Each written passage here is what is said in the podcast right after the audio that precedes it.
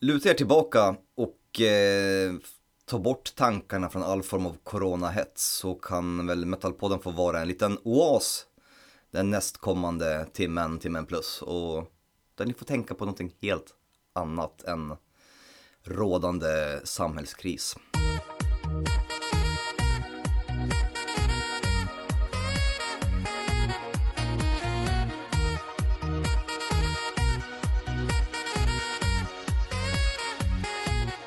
Jaha, välkommen till avsnitt 113 av Metalpodden med mig Erik och med polacken Thomas. Metalpodden still going strong här då efter ganska precis fyra år. Ja, För vi la ut, vi la ut vårt första avsnitt 22 mars 2016. fy fan. Ja, det är exakt. Fy fan. Eh, sjukt ju. Och vi kör på med den här podden oavsett, även om vi är sjuka och jävliga och så vidare. Jag vet inte, jag tänker vi måste ändå nämna coronaviruset.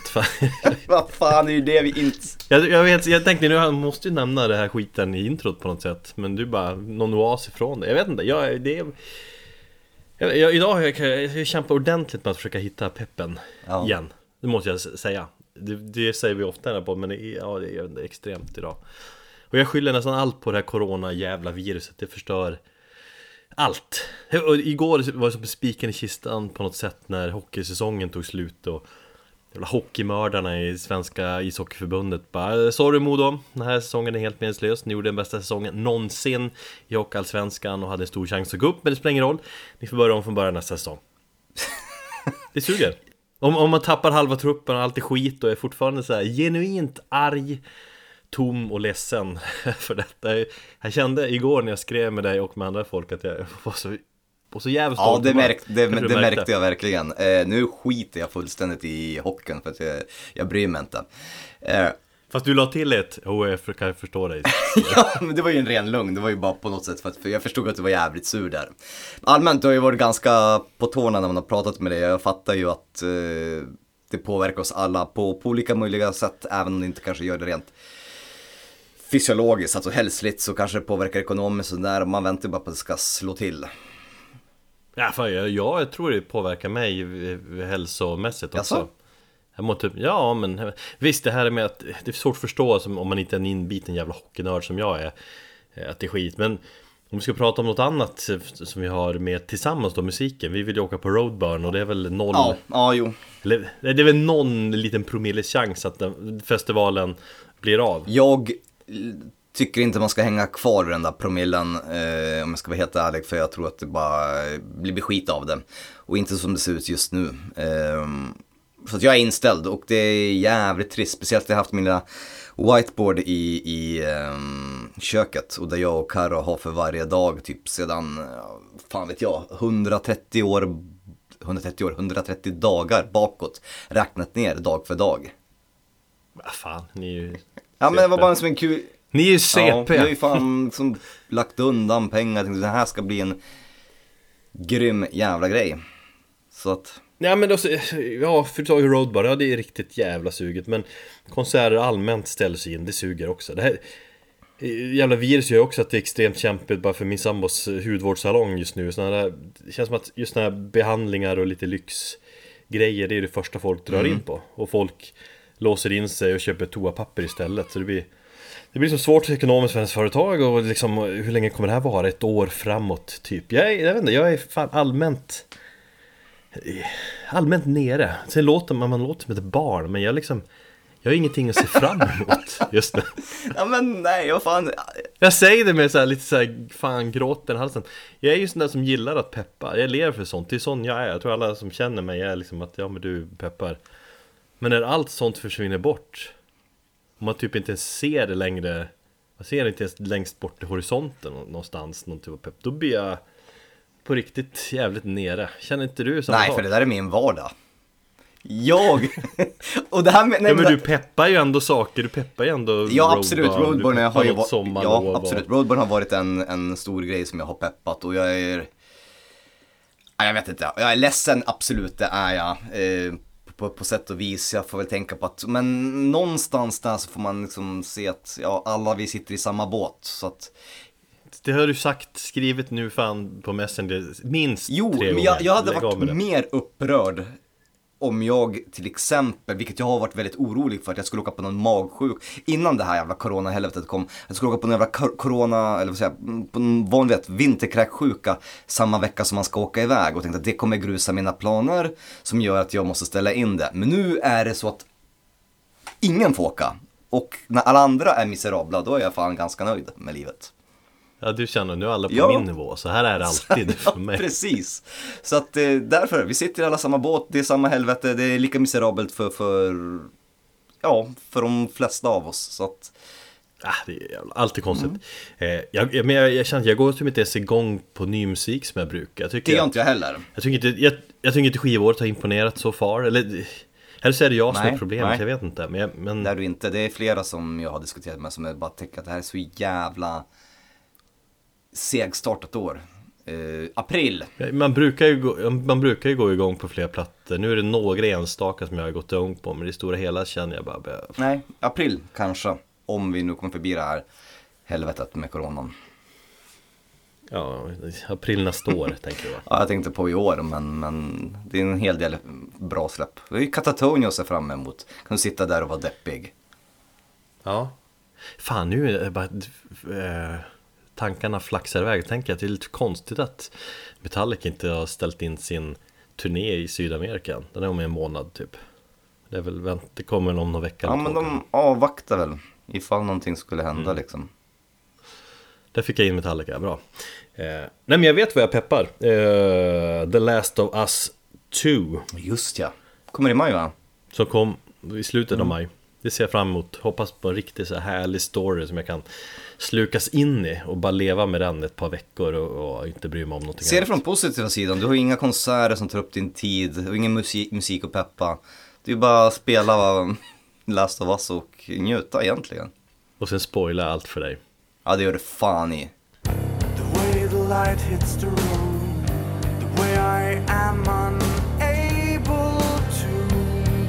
The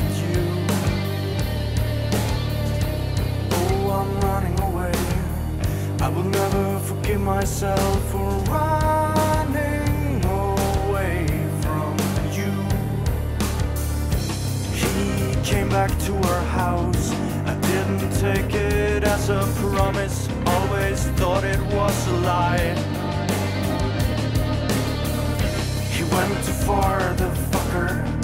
It's not like I owe him money, this is different.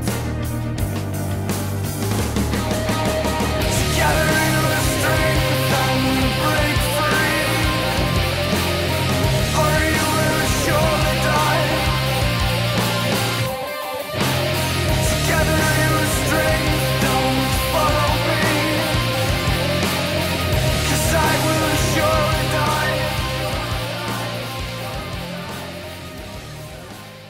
Nu skiter vi i det här. Vi skulle ju vara en oas i detta jävla helvete, vilket du bara totalt sket på. Nej men så här, vi försöker väl, ja, vi försöker peppa lite grann här ändå innan det här äh, Tänka innan att coronaviruset tog över totalt Det var ju, det var ju ett tag där det i media eh, snackades om, om annat än just coronavirus Och det fanns en tid då det fanns eh, toalettpapper i butikerna Det finns det Och då- fortfarande.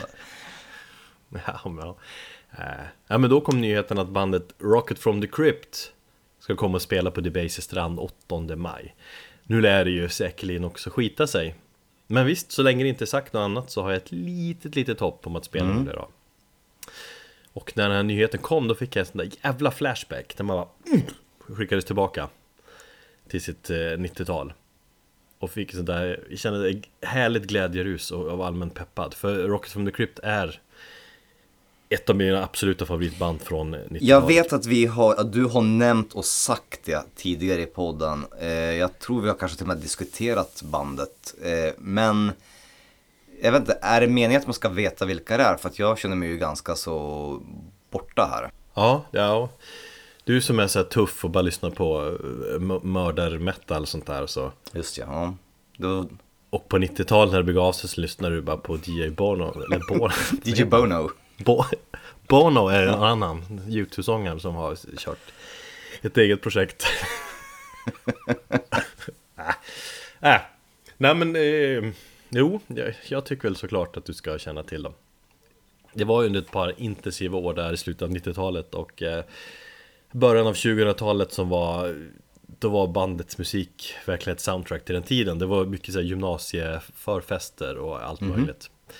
Då deras musik eh, spelades frekvent. Och jag har inte lyssnat på bandet på många år egentligen. Nästan så att man har glömt bort dem. Eh, för de la ner 2005. eh, och det gjorde också på många sätt någon typ av avsked till bandet. Sen återförenades de 2011 för att vara med i något så här barnprogram och släppte en låt om en kock. Eh, och, och sen återförenades de igen 2013. De spelade bland annat på Metallicas festival där, Orion. Alright. Jag vet att eh, James Hetfield är ett stort fan av bandet bland annat.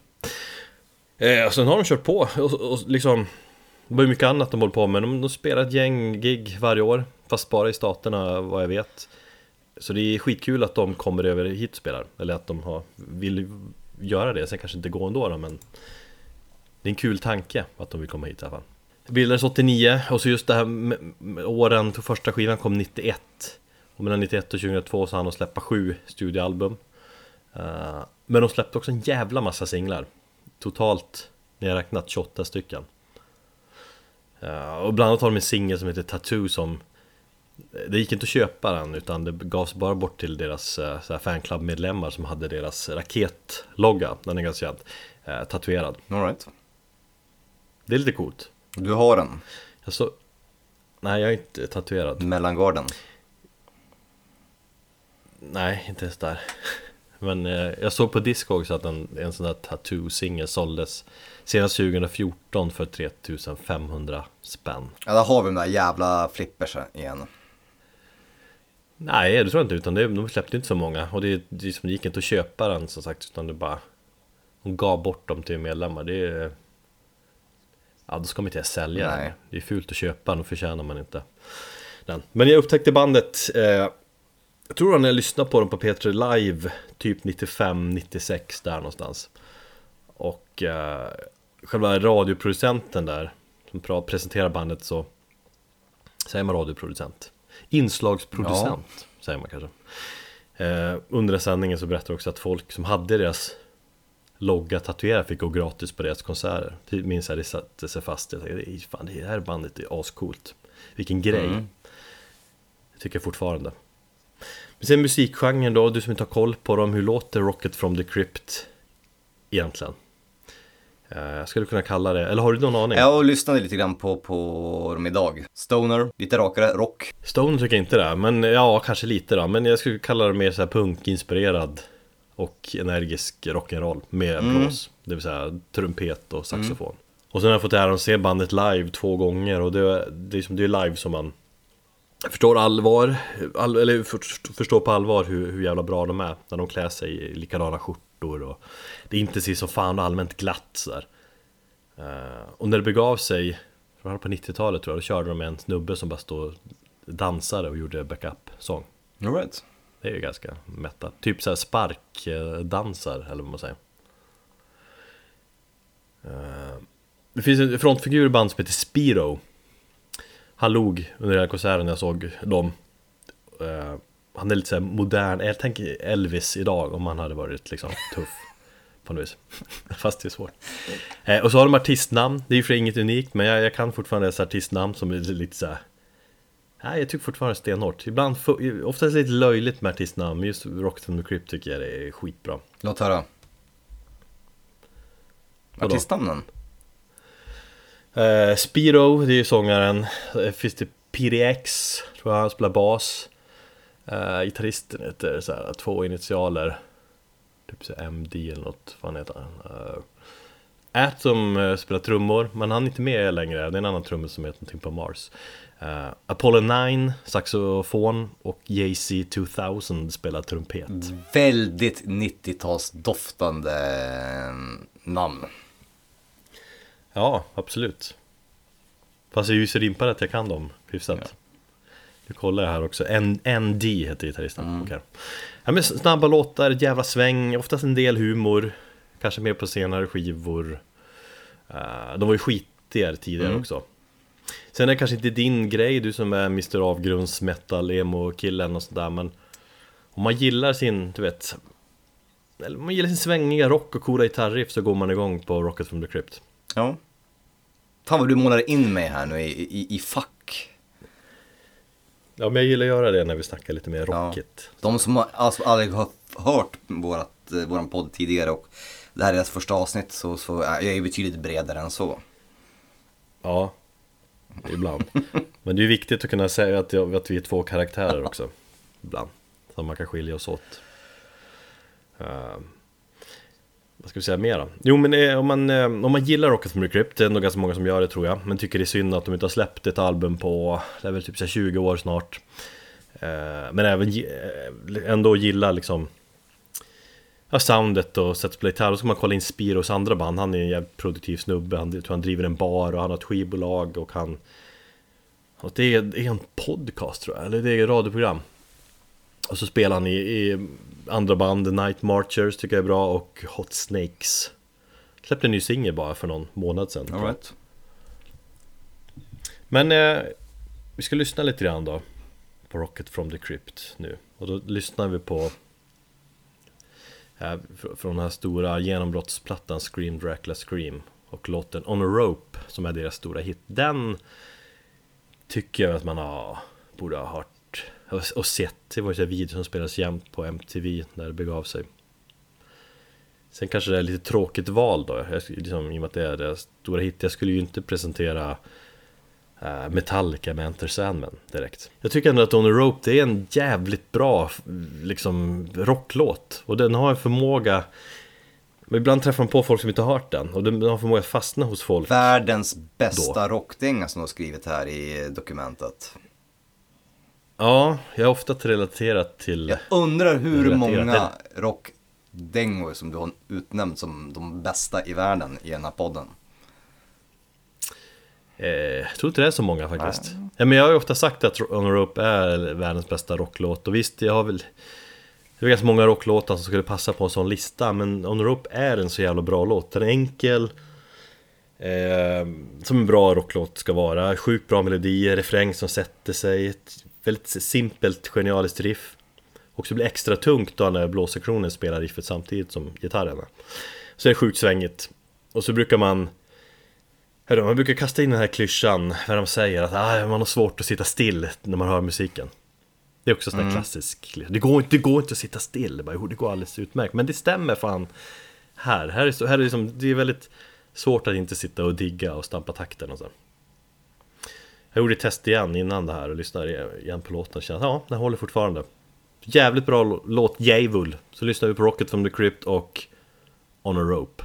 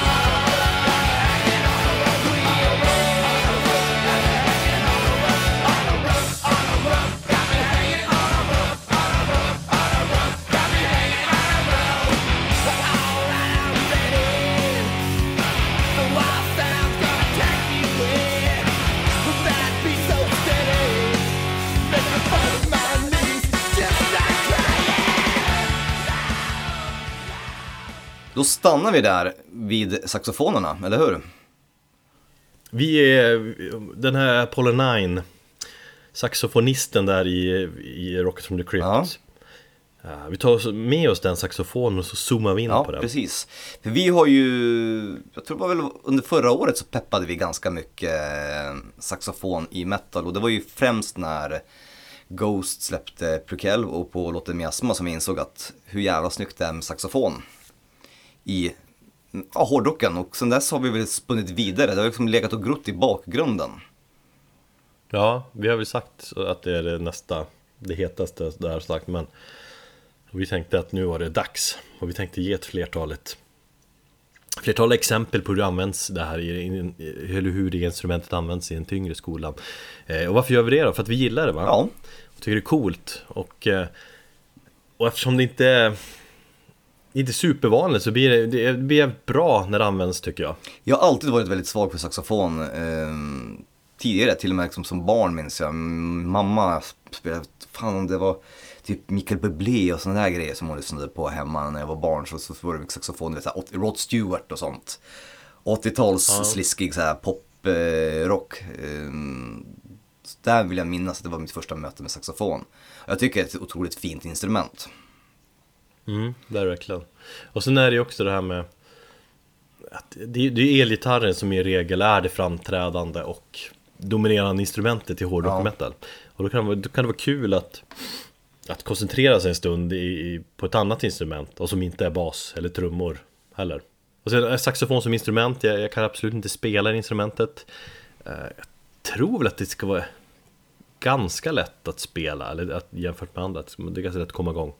Möjligtvis. Det, det tror jag absolut inte. Eh, det finns väl olika typer av saxofoner också. Ja, något är väl lite svårare än det andra jag för mig. men, men det är ett fascinerande instrument. Det känns som att det känns som att i regel är den här nördiga men så coola personen som spelar det. Eh, Och det känns som ett väldigt allsidigt instrument.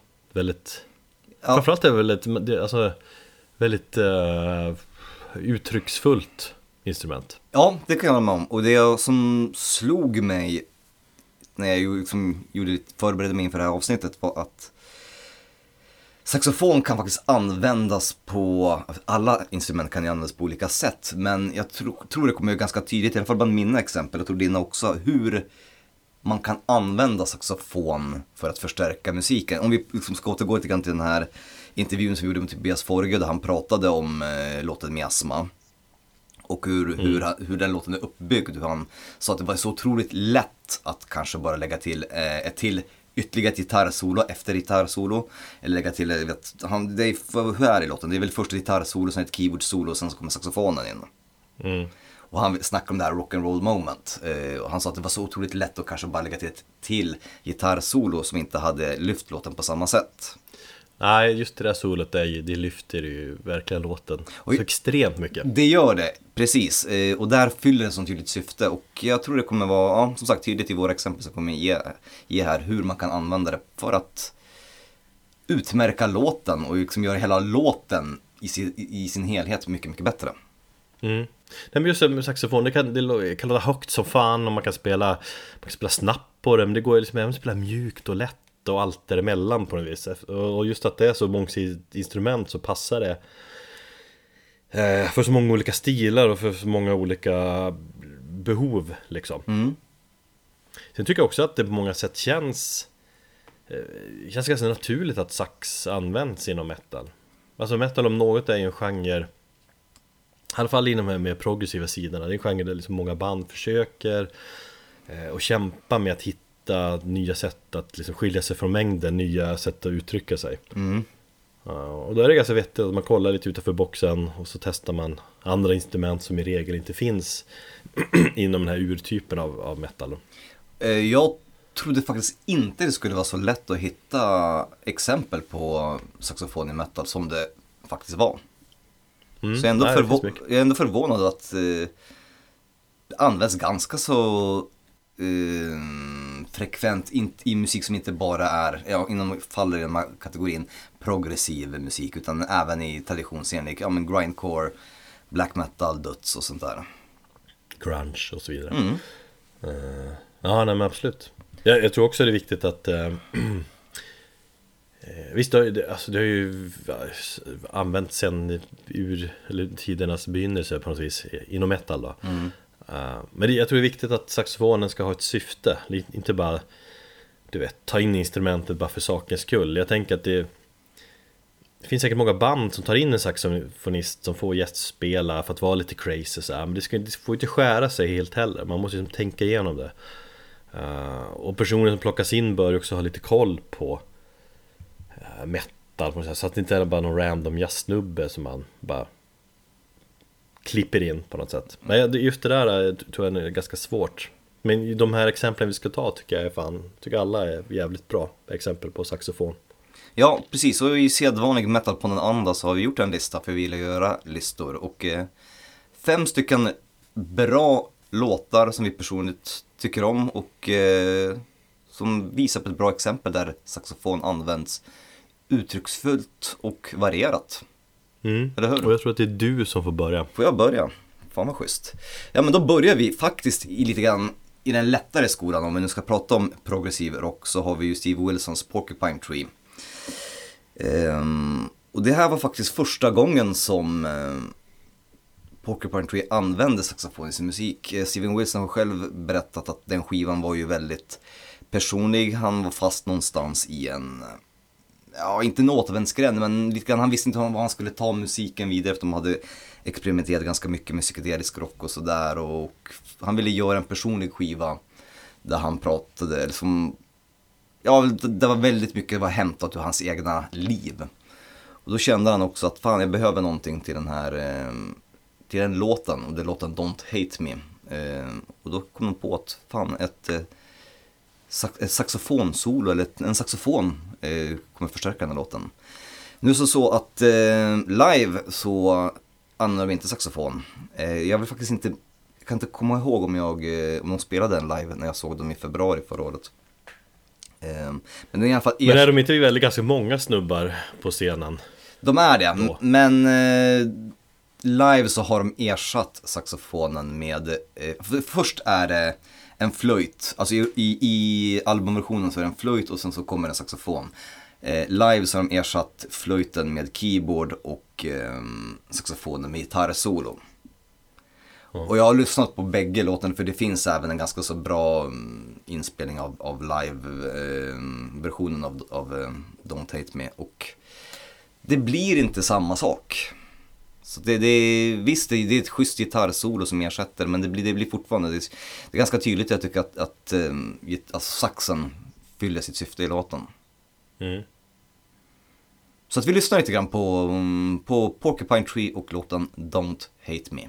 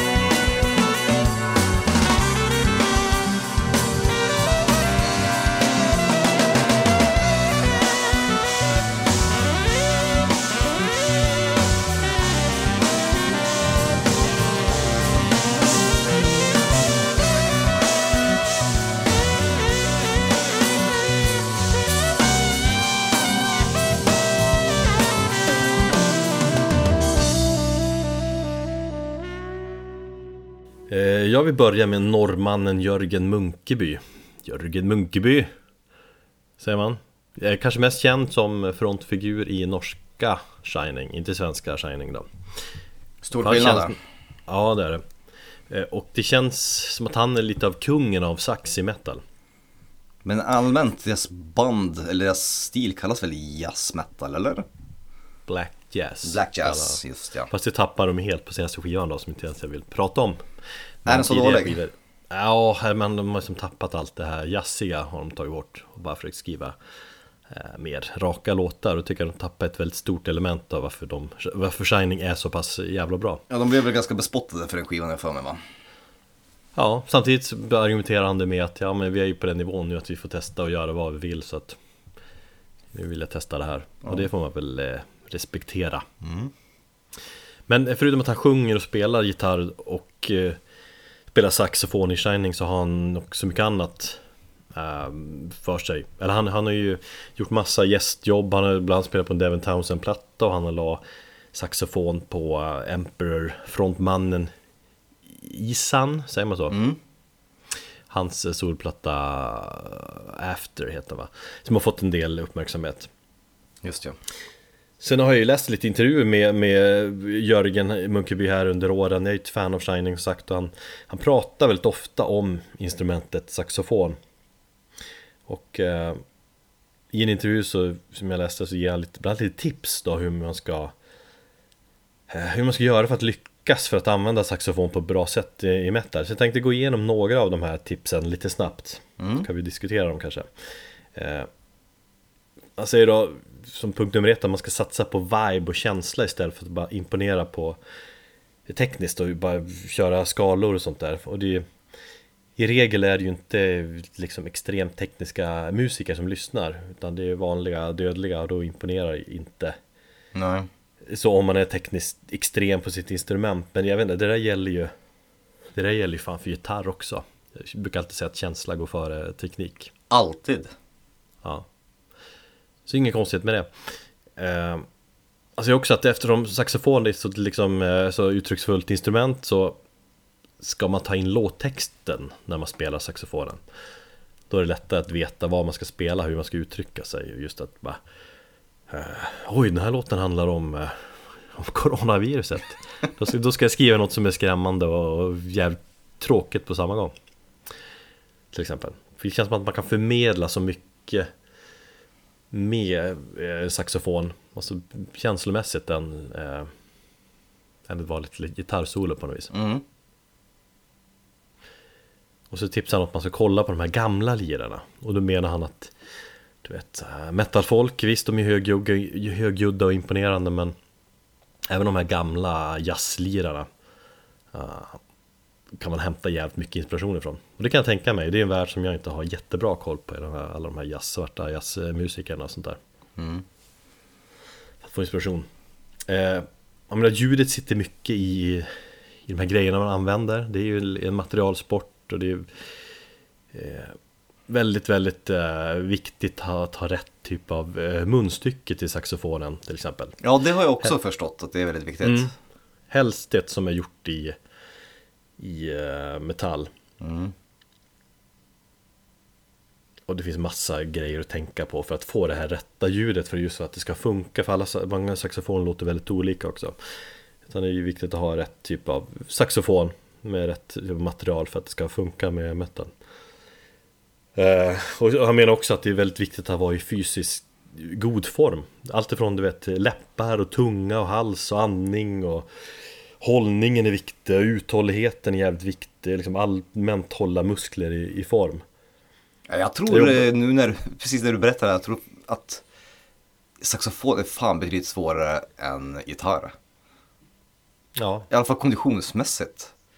Jo, men jag, jag, jag jobbade med en snubbe för ett år sedan eh, När jag satt och konsultade på ett byggföretag och, och som han, han spelade olika blåsinstrument i, i diverse band På ganska hög nivå, han gjorde lite så här studiogrejer ibland och eh, Kul att höra han som musiker fast inte, han är inte, rockmusiker Han spelar ju på Ja, blås liksom Ja. och höra hur han jobbar och han eh, Han pratar just om de här delarna, liksom att kroppen måste leverera eh, munnen och få till rätt blås och det är inte bara instrumentet utan det är väldigt krävande fysiskt också. Mm. Varje gång han hade spelat en helg då han hade alltid så här äh, läpparna var Han fick så här Stora läppar Efter allt sugande. Eller blåsande. Nej men det är fascinerande. Det är en värld som man inte har Ja, det ska vara kul att testa saxofon någon gång. Eh, Men fr- framförallt då så säger eh, Munkebo här att ett problem som Eh, det största problemet med, med att blanda saxofon eller slänga in det i, i metal det är ju mixen. För folk kan i regel inte mixa saxofon. Inte metal liksom, producenter i alla fall. För att, i, och med, att- I och med att det är ett så pass ovanligt instrument och många kanske inte är helt såld på det. Du vet, oh, fan här är något jävla band som ska lägga in saxofon. Hur fan ska jag göra med den här då?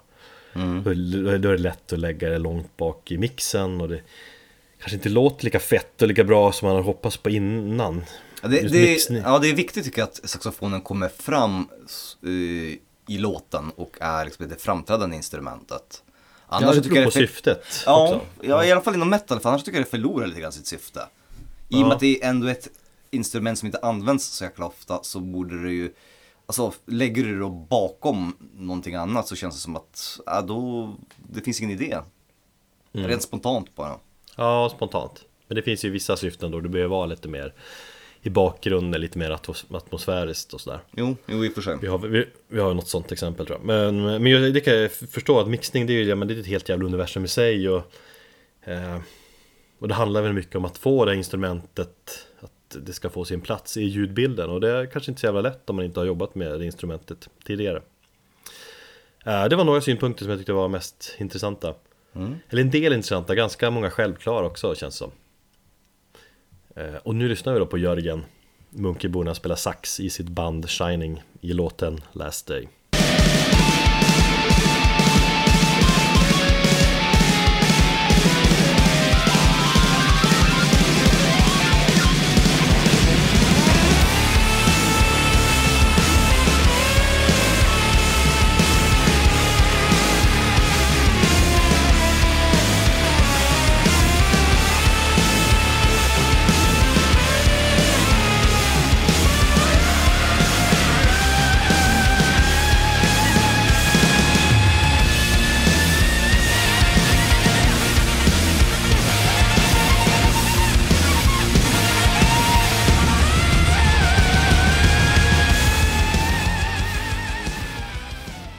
Apropå rock'n'roll moment. Eh, I december 2017 så gjorde Totalt Jävla Mörker sitt, eh, ja en liten avskedsturné i Sverige. Där de tackade för sina 20 år i punkens tjänst. Eh, jag var ju på det giget och eh, kom på det faktiskt att fan de använde ju en sax eh, på scen.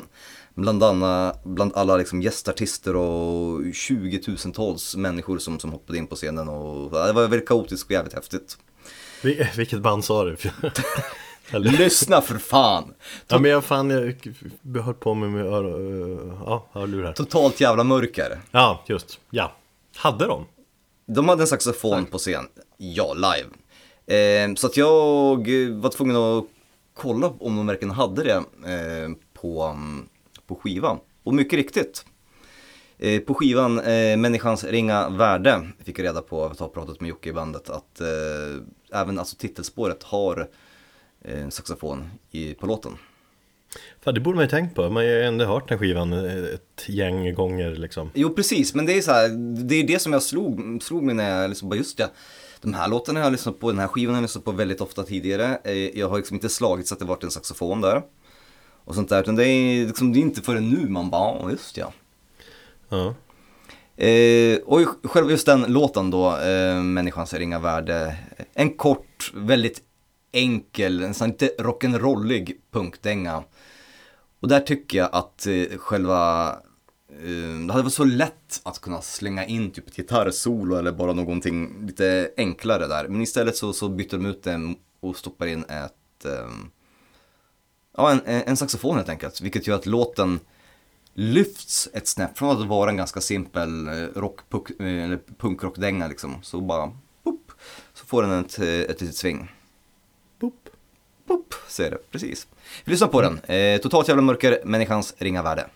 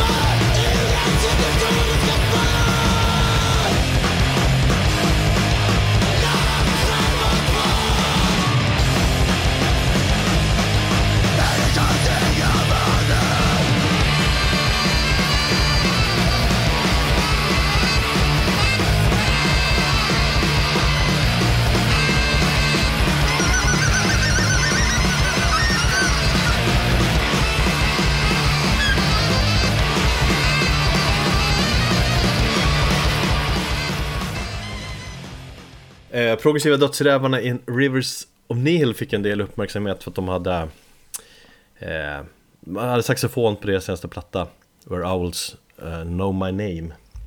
Just ja. heter den.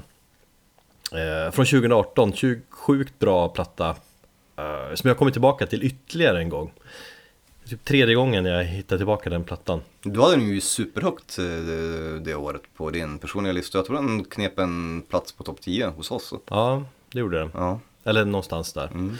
Nej, men Vår basist upptäckte det, de nyligen så jag fick gå tillbaka och lyssna igen och insåg ja, det är en jävligt bra platta. Ehm, Just för att det är så jävla intressant och utmanande form av progressiv döds. Hela tiden så varierad och och fascinerande Och just den där kryddan med, med saxofonen gör att det blir, det är som det Den här sista kryddan som gör att det blir mästerligt på något sätt Mm. Ja, sen har jag ändå sagt att nästa platta, de kanske inte ens kommer ha saxofon utan det var bara något de kände att de behövde just på den plattan. Eh, och det är mycket snack om dem, just som att de är the sex band, du vet. Eh, men de är kanske inte så intresserade av att dra det konceptet vidare utan de vill göra någonting annat. I det här fallet med den här skivan så kände de en, en person som spelade saxofon som de använde och de, hade, de kände att de hade många låtar och partier där, de, där liksom saxofonen Ja, just, behövdes. just det, för de använder ju inte det på några tidigare skivor, eller hur? Nej. Och saxofonen framkommer ju i flera låtar här för mig också på skivan. Ja, det gör det. Den är där och lurar ibland och så. Ibland kommer den lite tydligare, ibland lite längre bak. Just ja. Eh, Men det- är många långa, lugna partier och sådär. Det till dödskrossen. Bra, skön variation där tycker jag. Just ja.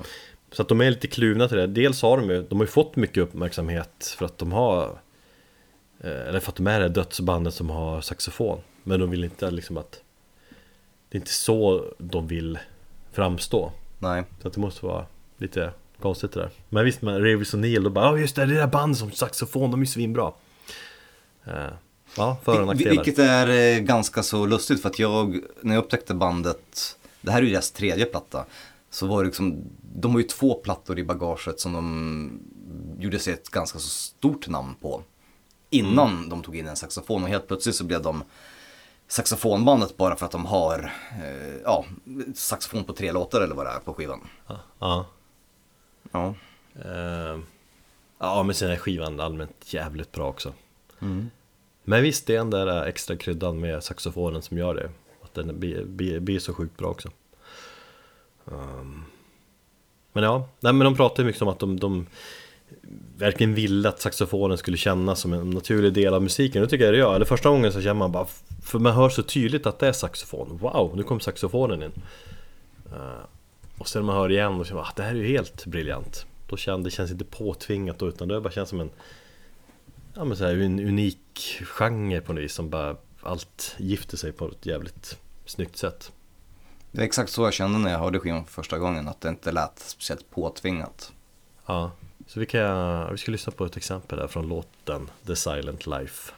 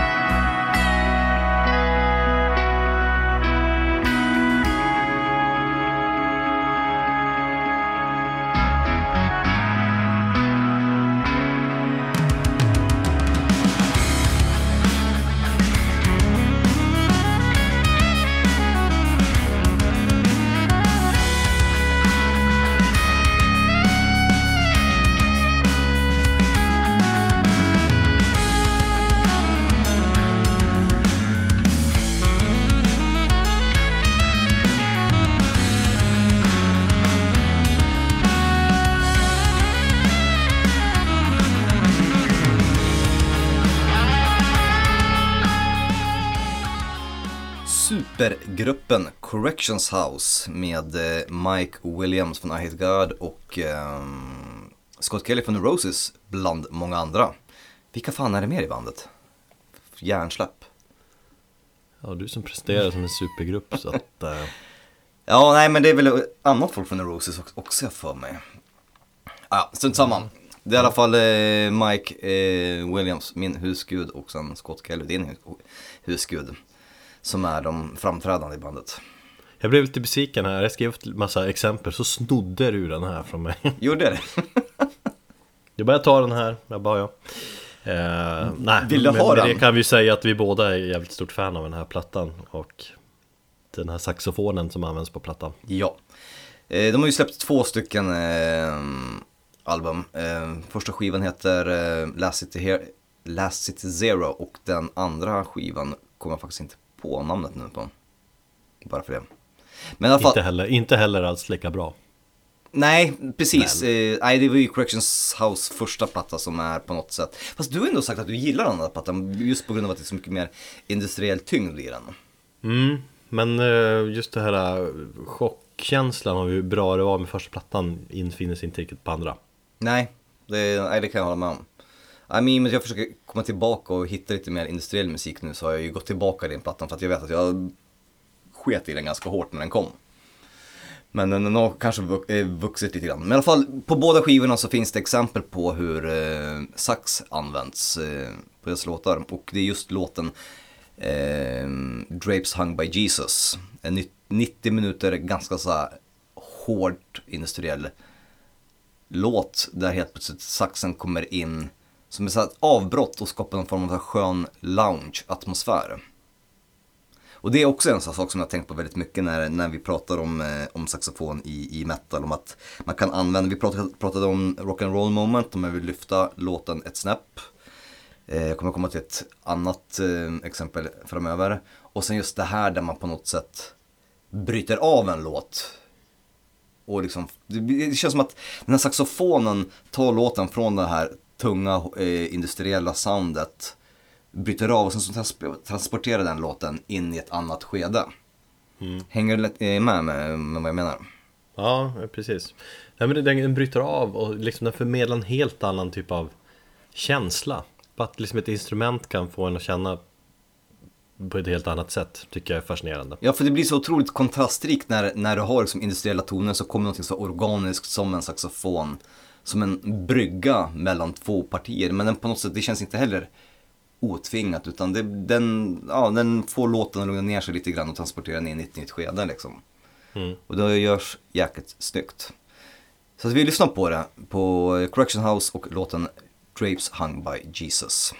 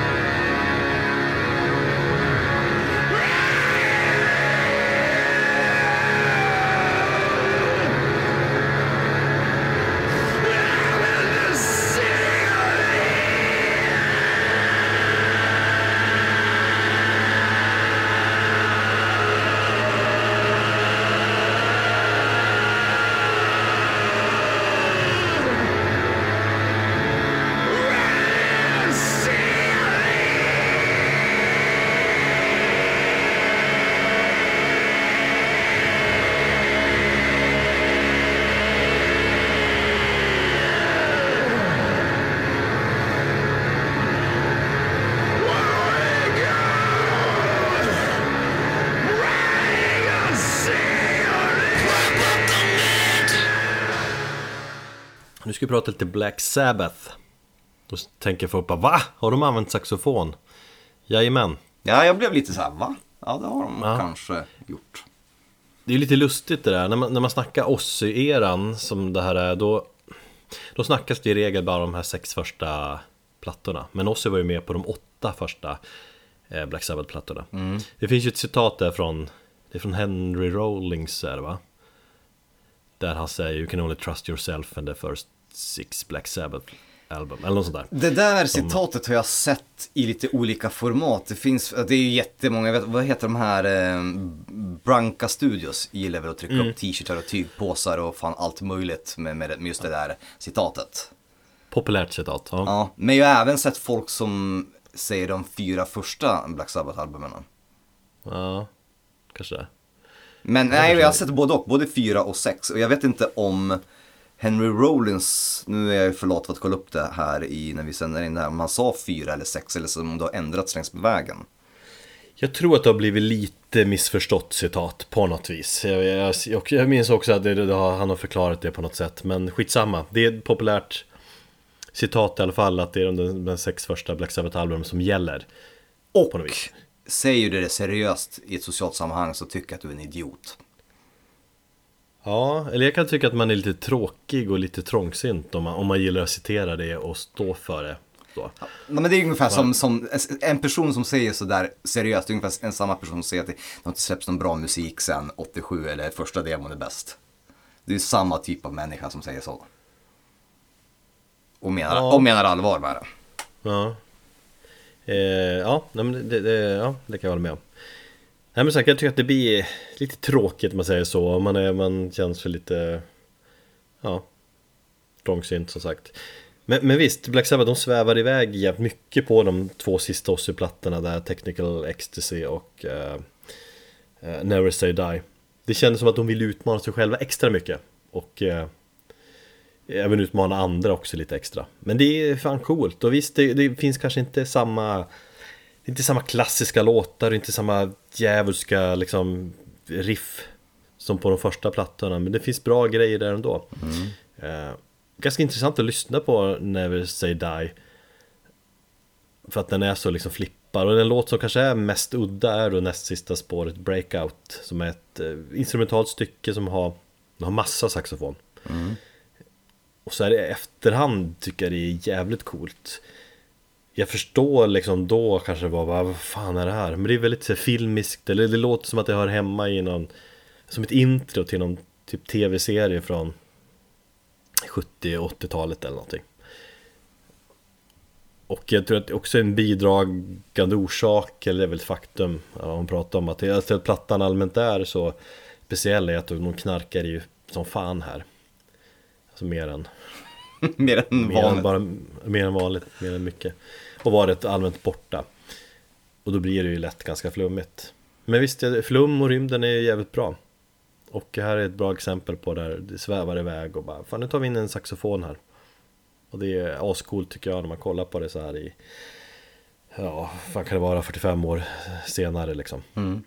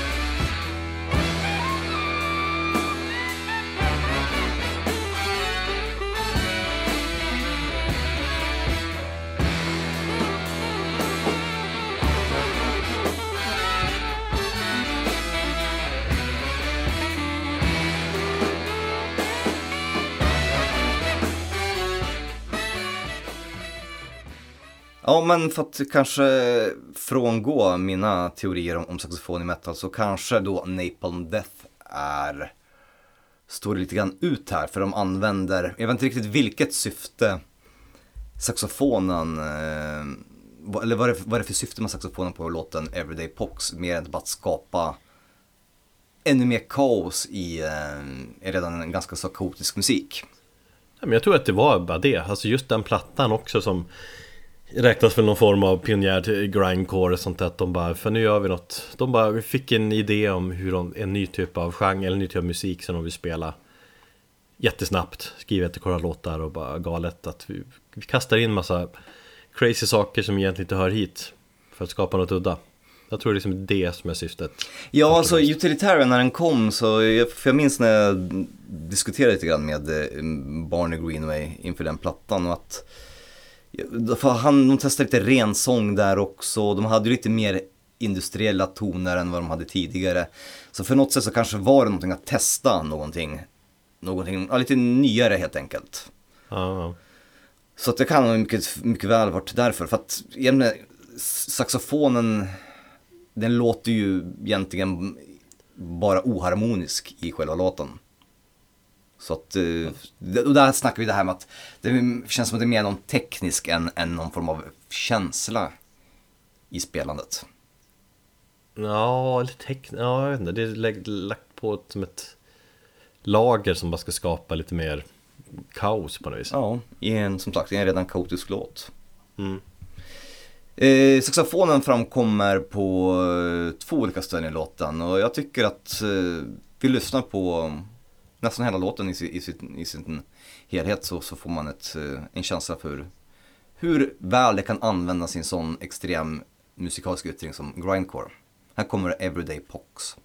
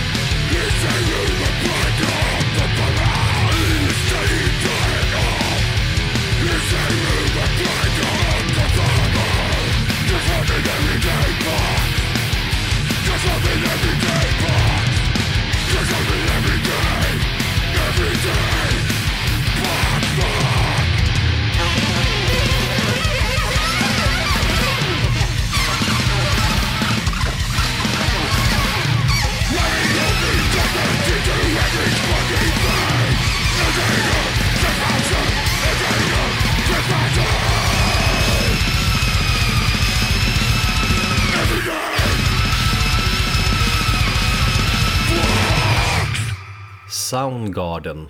Jag vill bara Jag vill bara säga det bandnamnet så blir jag genast nedstämd varje gång.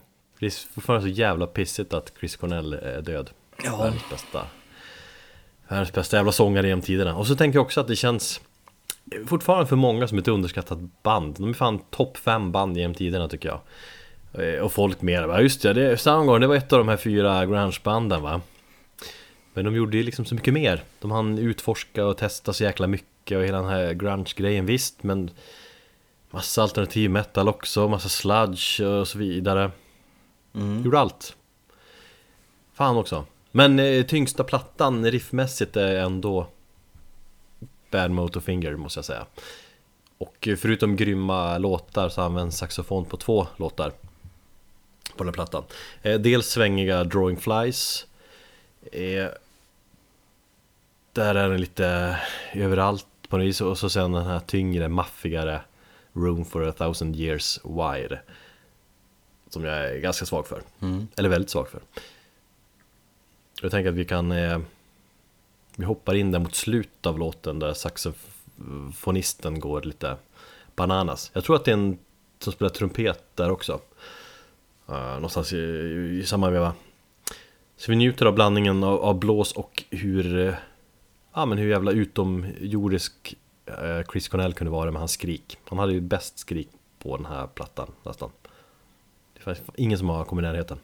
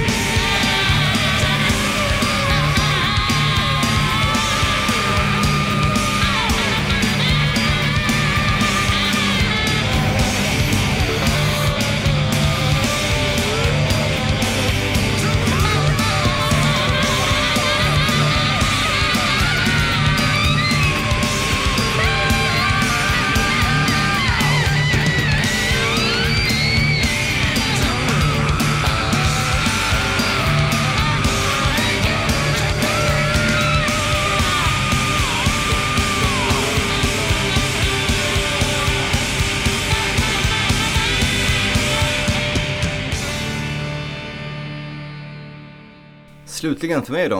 Eh, låten In the Absence of Light från eh, Behemoths Magnum Opus The Satanist.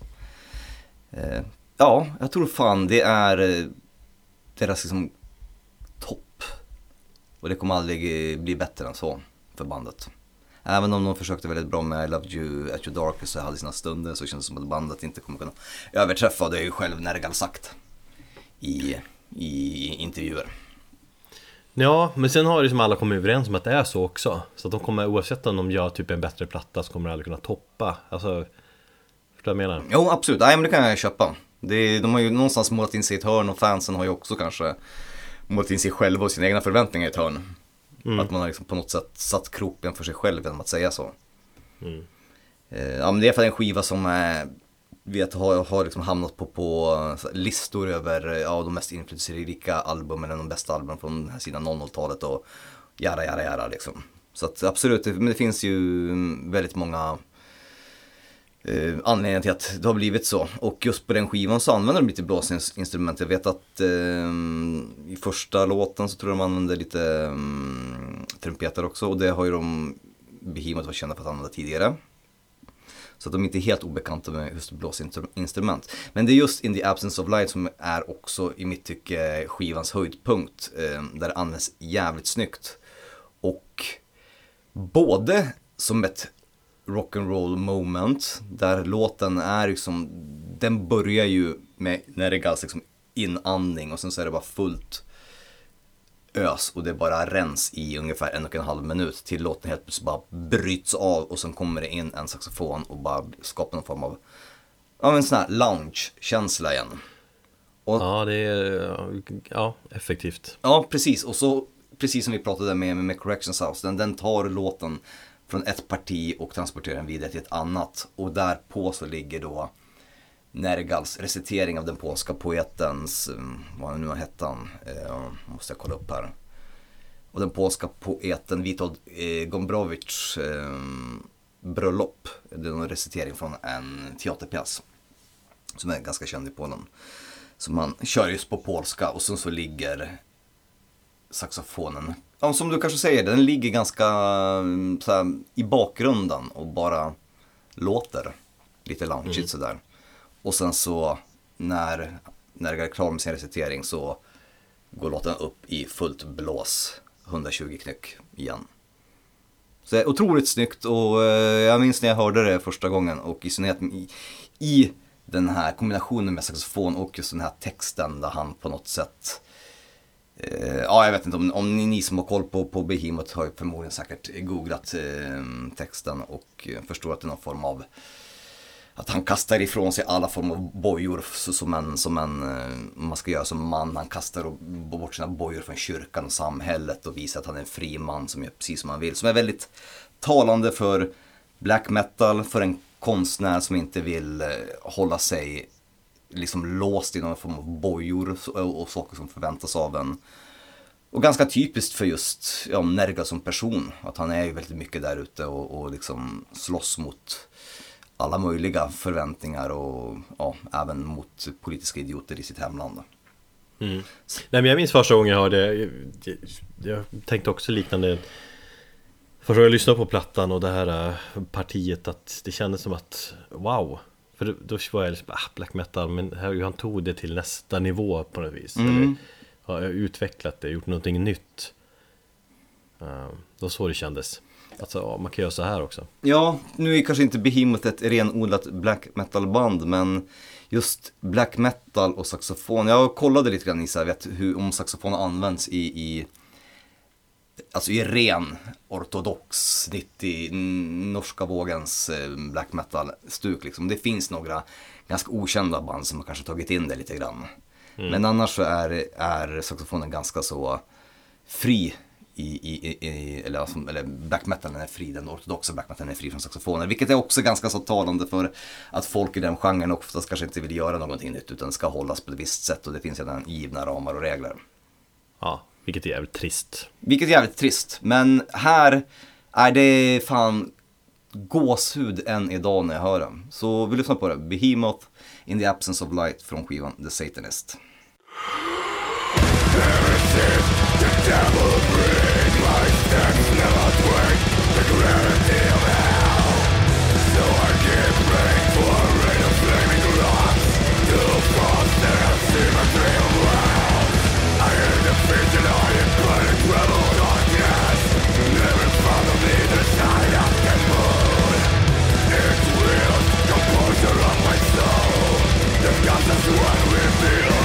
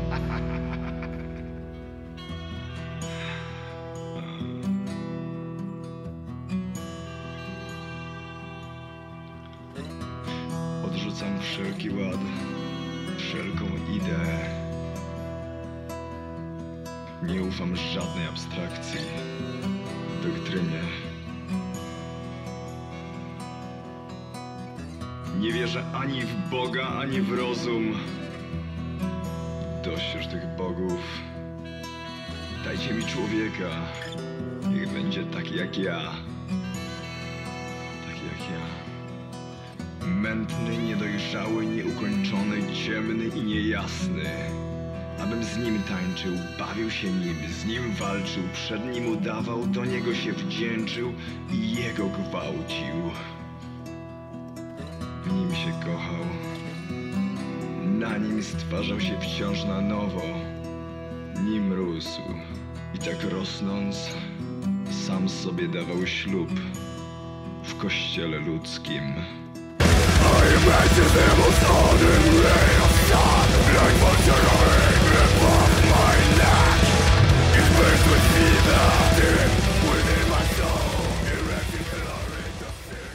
Innan jag går in på det sista saxofonexemplet här så kan vi säga så också till våra lyssnare att om ni har ett ja, men det bra exempel, coola exempel på hur saxofon används i metal så får ni gärna tipsa om det. Uh, kan ni göra kommentera där på under eh, på Instagram eller på Facebook eller på Twitter eller skicka ett mail eller ringa oss. Nej, fan jag svarar inte om du ringer. Nej, men ring mig.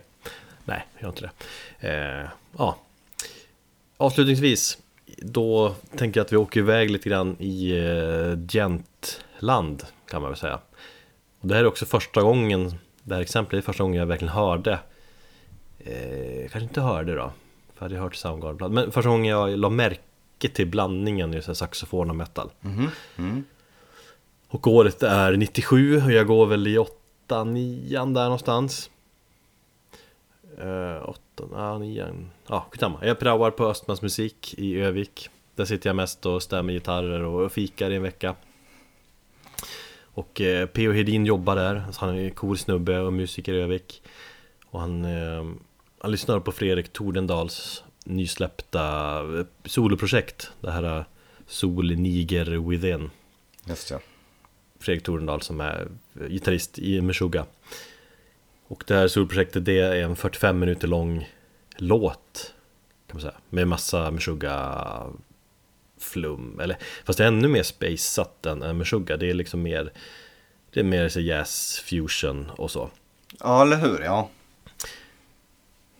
Och jag minns då liksom av Jag minns av hur, hur P.O. sitter där och lyssnar under arbetstiden och kommenterar partier under skivans gång när han lyssnar liksom med typ så kommentarer som bara "Åh, vad fan är det här? Och vad gör karln? Åh det här är ju helt sjukt! och så vidare. Eh, Och så kände jag att ja, det här är ju är lite next level. För då hade jag ju ganska nyligen upptäckt Meshuggah också. Men jag kände att ja, men när jag lyssnade på den här plattan så kände jag, okej om jag fattar det här Då har jag liksom Då har jag upptäckt så mycket mer om vad som finns inom metal. Då har jag grävt riktigt djupt.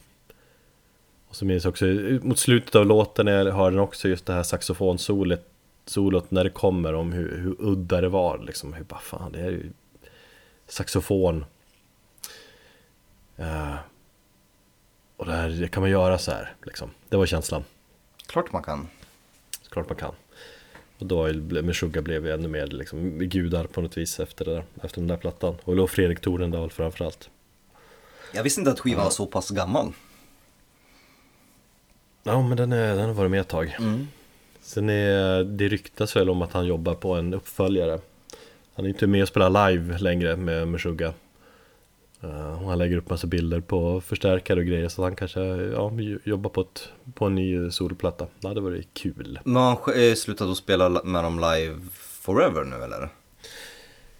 Eh, jag vet inte om det är forever, men han har väl inte gjort det senaste åren liksom. Ja, okej. Eh, ja, men vi ska ly- lyssna på det här saxofonsolet som kommer i slutet av den här långa låten. Det är en snubbe som heter Jonas Knutsson. Han är inte känd inom, inom metal, men han är känd inom jazz. Han är enligt Wicken då en, en sopranino, sopran, alt och baryton saxofonist. Han är kompositör och pedagog. Och han, kollar man på hans Wiki, han har gjort massa inspelningar. Eh, alla möjliga olika projekt och skivor och vunnit massa priser inom jazzvärlden och så vidare. Så han kan sin grej. Och det har man också. Mm, eh, Även om det här var ett tag sedan då. Nu är han väl en bit över 50 så han var ju ganska ung här 97. Ehm, så jag tänkte vi lyssna på det här saxofonpartiet och eh, fängslas ehm, ganska långt. Det är väl 2-3 minuter. Och hur eh, metal och saxofon kan gifta sig med varandra.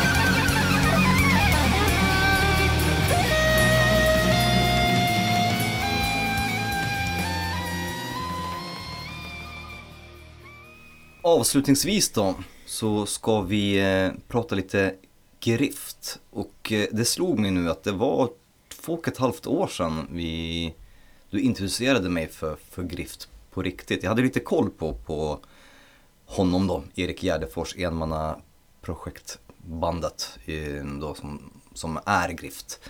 Ehm, men det var inte förrän du talade så väl om skivan det året då, som heter- Arvet och hur mycket den berörde dig. Och i, i sedvanlig anda när vi pratar om någonting som har berört oss på, på, på något, någon form av djupare plan än att bara, vet, man inte kan sitta still. Då, då känns det som att den andra av oss tar upp och tittar på det. Med lite nya ögon.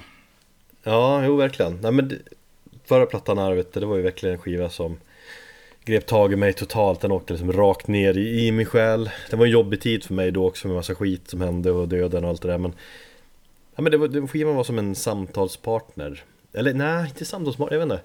Det var mer som att han öppnade dörren och bara visar upp meningslösheten på något vis. Det var såhär bara, här, här är det. Här, så här ser det ut. Det suger, det är för jävligt. Det var brutalt men det var fint. Och jag håller ju på att gå igenom någonting liknande. Ja, nu ska vi kanske inte säga liknande, men jag är i en period med mycket död. Men jag är här på... När det här avsnittet sänds då, då har jag ju varit med om min tredje begravning i släkten här. Så att det är väldigt mycket så här, eh, döden, tänker då, påverkat mig också ganska mycket. Och i all den här jävla corona-skiten och allmän ganska opeppande start på 2020 så är det ju faktiskt ändå den här skivan som vi har hittat som någon form av gemensam grund att stå på och kanske har kunnat liksom hitta någon tröst i. Ja, eller ja, exakt, den rimmar bra med, med hur det ser ut. Ja, även fast, även fast eh, nya skivan Budet som släpps idag på Nordvis, eh, samma dag som det här avsnittet släpps. Den känns kanske lite mer hoppfull än, än tidigare album, men det som framförallt talar till mig det är ju det här, alltså det är ju, det finns någonting vackert i, i det vemodet eh, i Grifts musik och just det här folkliga som gör att man på något sätt, man släpper man släpper allting helt enkelt och liksom bara tar emot det. Alla, alla former av sköldar som jag har, fast så har jag känt nu när jag har lyssnat på, på budet. Att den här, alla, alla sköldar som man håller upp gentemot folk och mot samhället, de liksom bara rasar så fort jag lyssnar på skivan. Mm. Genremässigt är det ganska intressant. Det- enklaste är väl att beskriva det som black metal antar jag. Men jag tänker mer att det är eh, folkmusik med black metal influenser eller typ så här black, vad kan man säga, svärtad folkmusik. Ja, jag tror Erik själv är inte speciellt eh, intresserad av att eh, kategoreras i något fack så att även om han har kanske någon, någon form av grund i, black metal så tycker jag att det är ganska fel. Även om jag kan tycka man säger så här, om man går bakåt och börjar med, med, med syner och sedan arvet så kanske syner låter lite mer black metal än vad budet gör. Jag har jämfört lite de skivorna utifrån olika vinklar och framförallt så är det betydligt mer folkmusik i den här skivan än vad det kanske var tidigare. Ja, jo, det är det ju. Eh, det är väl ganska tydligt liksom hur han beskriver det. Han beskriver kanske inte det med så här, genre på det viset, men han beskriver liksom vad han vill förmedla. Om jag minns rätt så är det han minns, om man pratar mycket om gamla poeter som vill liksom den här, eh, förmedla den här känslan av den här melankolin på något vis. Mm. Ja, precis. Ja, men gamla svenska, inte bara svenska poeter, men, men allmänt gamla poet, kända poeter och litterära verk har inspirerat honom väldigt mycket på, på tidigare skivor. Och det Det är här, mycket så existentiella frågor och mycket de här, så här sinnesstämningar som ja, som bara svårt att prata om liksom. Som, som man bara kan känna när man lyssnar på musik och upplever sådana saker. Mm. Jag skulle nästan, som sagt, jag har ju pratat om mitt förakt för, för um, det vill säga promotexter när, när när man som musikjournalist läser 20 sådana där om dagen. Och jag Ja. oftast försöker vara en form av säljande text. Men så kommer det ibland någon promotext som är så otroligt talande och som gör att Ja, som musikjournalist är det liksom det första, nu känner jag i och för sig till eh, Nord, eh, eller vet inte, Grift sen tidigare. Men ibland så, så läser man en text som bara, "Ha, okej här använder de bara olika superlativ och floskler för att beskriva en musik som är ganska så originell. Men det finns just en, ett passage i den här promotexten som jag tror de har, inte marknadsfört skivan, men som beskriver, jag tror, eh, Eriks vision på, med, med sin musik överlag. som jag tycker är väldigt fint som jag skulle vilja läsa på engelska då.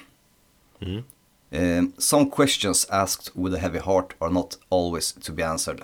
Still, they need to be asked. Some prophecies of things to come are not pleasant to contemplate.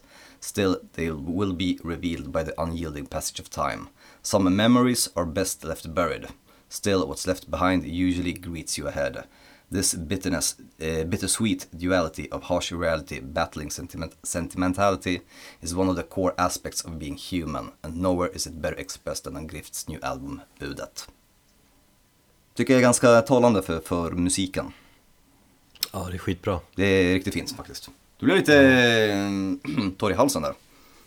Ja, Nej men det, det är... tårarna rinner. Ja, precis. Eh, nej men det var, det var ju svinbra, men exakt så här är det ju. Alltså, det, det finns vissa frågor och tankar som bara det går inte att uttrycka sig i, i ord och det finns vissa svar som man inte kan få riktigt. Ja, jag, precis. Jag hade en förjävlig dag i fredags. Då jag, jag, jag, kunde, jag har fortfarande inte riktigt kunnat sätta... Det var då min eh, farbror eh, begravdes. Eh, han dog efter en långtidssjukdom. Eh, det är sista, sista släkten på min, på min pappas sida. Eh, han bodde då i Polen. Av logistiska och praktiska skäl kunde jag inte åka med för jag hade liksom mina barn att ta hand om. Och det var ganska betyngande för mig för jag ville vara där för min fars skull. Och dels att jag har några minnen. Min, min farbror har levt ett sju jävla svårt liv eh, och inte alltid haft det lätt. Och jag önskar faktiskt inte någon det är ett sånt liv som har haft det. Vissa saker i, i livet har han själv för liksom, kanske fått stå, stå för och det är konsekvenserna av egna beslut. Men vissa saker är bara så här, du vet, livets lott hur vissa människor bara har liksom det kämpigt och kanske väldigt mycket uphill. Du vet, man bara tänker på den här människan har liksom, han skulle kunna bara kanske någonstans ha ett, någon form av, eh, ja vet, lite, lite tur någonstans. Någon liten respit där man kan få söka ut och det känns inte som att han har haft det.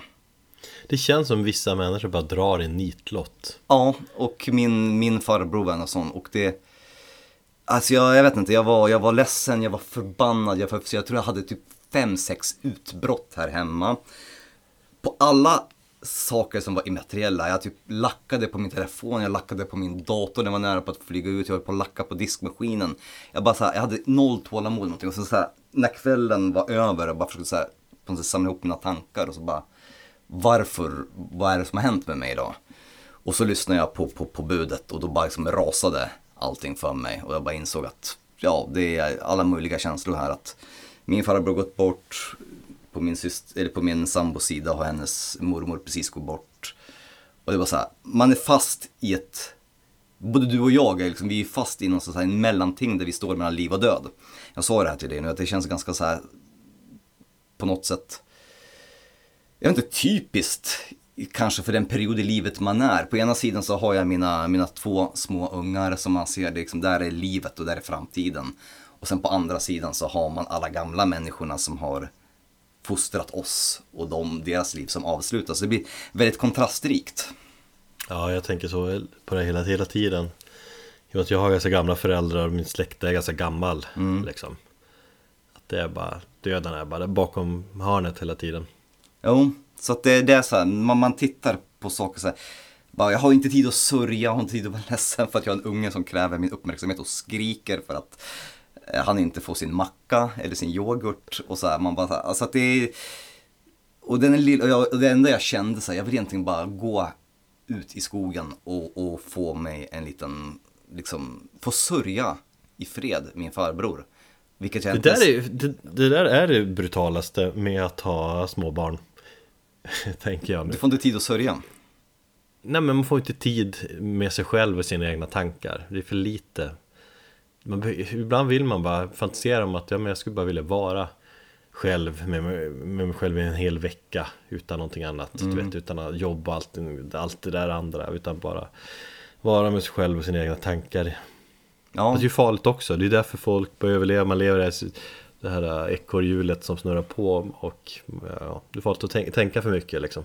Ja, jag som oftast går omkring och analyserar livet och går omkring och grubblar lite väl mycket, kanske mer än vad som är, som är brukligt och vad som är bra för, för, för mig. Eh, Tycker ganska skönt att jag har mina barn, för de får ju mig oftast att liksom och snappa ut ur det. Jag hinner inte reflektera över någonting speciellt djupare. Men nu Ja, kände jag att det var en sån period där jag bara egentligen, jag skulle bara vilja sörja och vara ledsen, men jag kunde inte ens få, få vara det i fred. Men i det här fallet så känner du väl en viss koppling såklart i och med att det är din farbror Men även en koppling kring den här psykiska ohälsan Ja, absolut. Det, det fanns ju väldigt mycket där också och han, eh, han var ju både bipolär och, och, och hade liksom nu på senare tid väldigt mycket eh, andra sjukdomar som gjorde liksom att han, eh, ja, han, han gav upp helt enkelt till slut. Och hans kropp gav upp. Han ville nog inte heller leva längre liksom så här. Och det var, även om det var kanske fem år sedan jag träffade honom senast, jag var inte där fysiskt när han var sjuk så är det ändå liksom så här jag hade någon form av empati och bara kände fan den där killen alltså, den där människan, han, han, han drog en nitlott. Mm. Och så är det. Tillbaka till, till, till Grift i alla fall. Det här har ju varit liksom min samtalspartner, min följeslagare lite grann under den här perioden och de här senaste veckorna. Eh, och kanske för att ko- koppla an till, till vårat, just det här avsnittet om liksom blåsinstrument och allmänt använda lite olika instrument i, i musiken så är ju också Erik eh, väldigt så här, frekvent användare av, av diverse olika instrument som kanske inte är vanliga hederliga instrument i, inom den här typen av musik men ändå som känns väldigt naturligt. På den här skivan, så till exempel första låten börjar ju med en tramporgel, vilket jag tycker är ett jävligt snyggt eh, och väldigt stämningsfullt eh, instrument. Så jag skulle säga att fan, mer tramporgel i, eh, i musik helt enkelt. Jag vet att Det är som att han trampar igång hela skivan på, på ett sätt som gör att man känner Bokstavligt och bildligt. Organiskt och man, man transporteras till hans stuga på något vis Mm. Det känns så äkta Ja, jag har, jag har ju målat upp en så bild av hur han, jag har läst massa intervjuer och sådär och pratat med honom så här, Den här stugan som han har där och, och liksom jag, jag har ju målat upp en så här romantisk bild av att fan, där skulle jag vilja bo. Jag, jag, jag kan säga jag- idag, jag, jag kan fantisera om att jag får hälsa på hos honom Ja. I en liten stuga, dricka någon dryck, kanske en stout Eller vad dricker han? Ja men något sådär Och det brinner en eldstad bredvid och så bara, lite, det är lite dammigt Och så sitter man bara där På så här trästolar och sitter man mitt emot varandra och samtalar om livet Ja. mörkret Det blir jag sugen på. Och så läser du gamla mm, litterära verk från svenska poeter från 1800-talet och tänker på Ja, lite grann. Och han får visa, läs det här och sitter åh wow, det här, nu förstår jag ju de här poeterna och sånt där. Det blir jag sugen på när jag hör skivan. Sen tycker jag att musikaliskt tycker jag väl att budet känns Det känns minst lika bra som föregångaren Arvet Den kanske inte griper tag i mig själsligt lika mycket som Arvet Men det tror jag, det är, eller jag har kommit fram till att det är nog omöjligt för att det ska tajma med vart man själv är i livet och sånt där.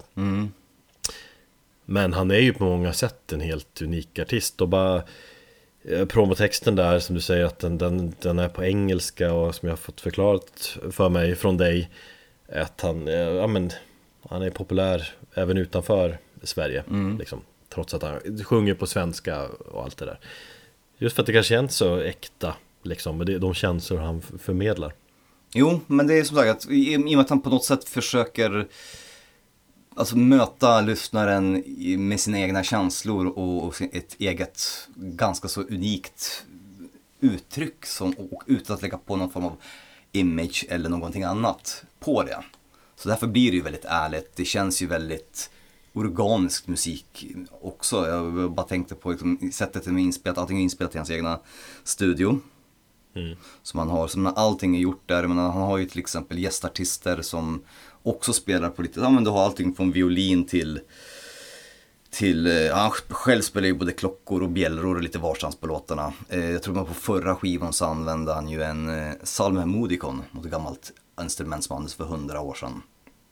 Som han hade till exempel till med restaurerat upp och, och liksom fått lära sig att spela på för att kunna passa Grifts musik. Så att alla de här uttrycken som man hittar eh, utanför och, och liksom använder i musiken, det känns, det känns, det blir så pass ja, det, blir, det blir organiskt och det känns inte påtvingat på något sätt. Nej, det är väldigt fascinerande på det viset. Just att det känns så väldigt nära eh, naturen på det viset. Och så att tomheten finns där och det, ja, det det är få liksom artister som kan förmedla samma känslor. Ja. Så Grift är alltså bra att lyssna på om man eh, befinner sig i, i en form av stor livskris eller man, man, man, be, man tänker på de stora frågorna. Ja, nej men allmänt liksom att lyssna på också ur det här perspektivet att det är liksom ofiltrerat. Jag tänker på om man kopplar tillbaka till Neurosis avsnittet där vi, där vi pratar om att de det, det musiken och skriver ska vara så äkta som möjligt. Ja. Det är inget posörande på något sätt utan är det någonting de skriver som att nej men det här Det här är inte rakt från vår själ, ja men då deletar de det Utan det, det är lite samma känsla jag får här utan det är bara Helt äkta på något vis Mer äkta än vad riktig äkta black metal kan vara. Absolut Så eh, vi avslutar det här eh, avsnittet tycker jag med att spela lite grann från Grift. Så, så får ni helt bäras med i, i, i någon form av existen, existentiell fundering. Och sen så Svårt ord! Ja, precis. Och sen så får vi väl eh, också påminna om att vi har en tävling där vi lottar ut ett exemplar av eh, vinylen av den här fantastiska skivan eh, som vi kör i samband med det här avsnittet. Så se till att inte missa den på våra sociala medier. Vi lyssnar på Vita Arkiv. Tack och godnatt Ta hand om er.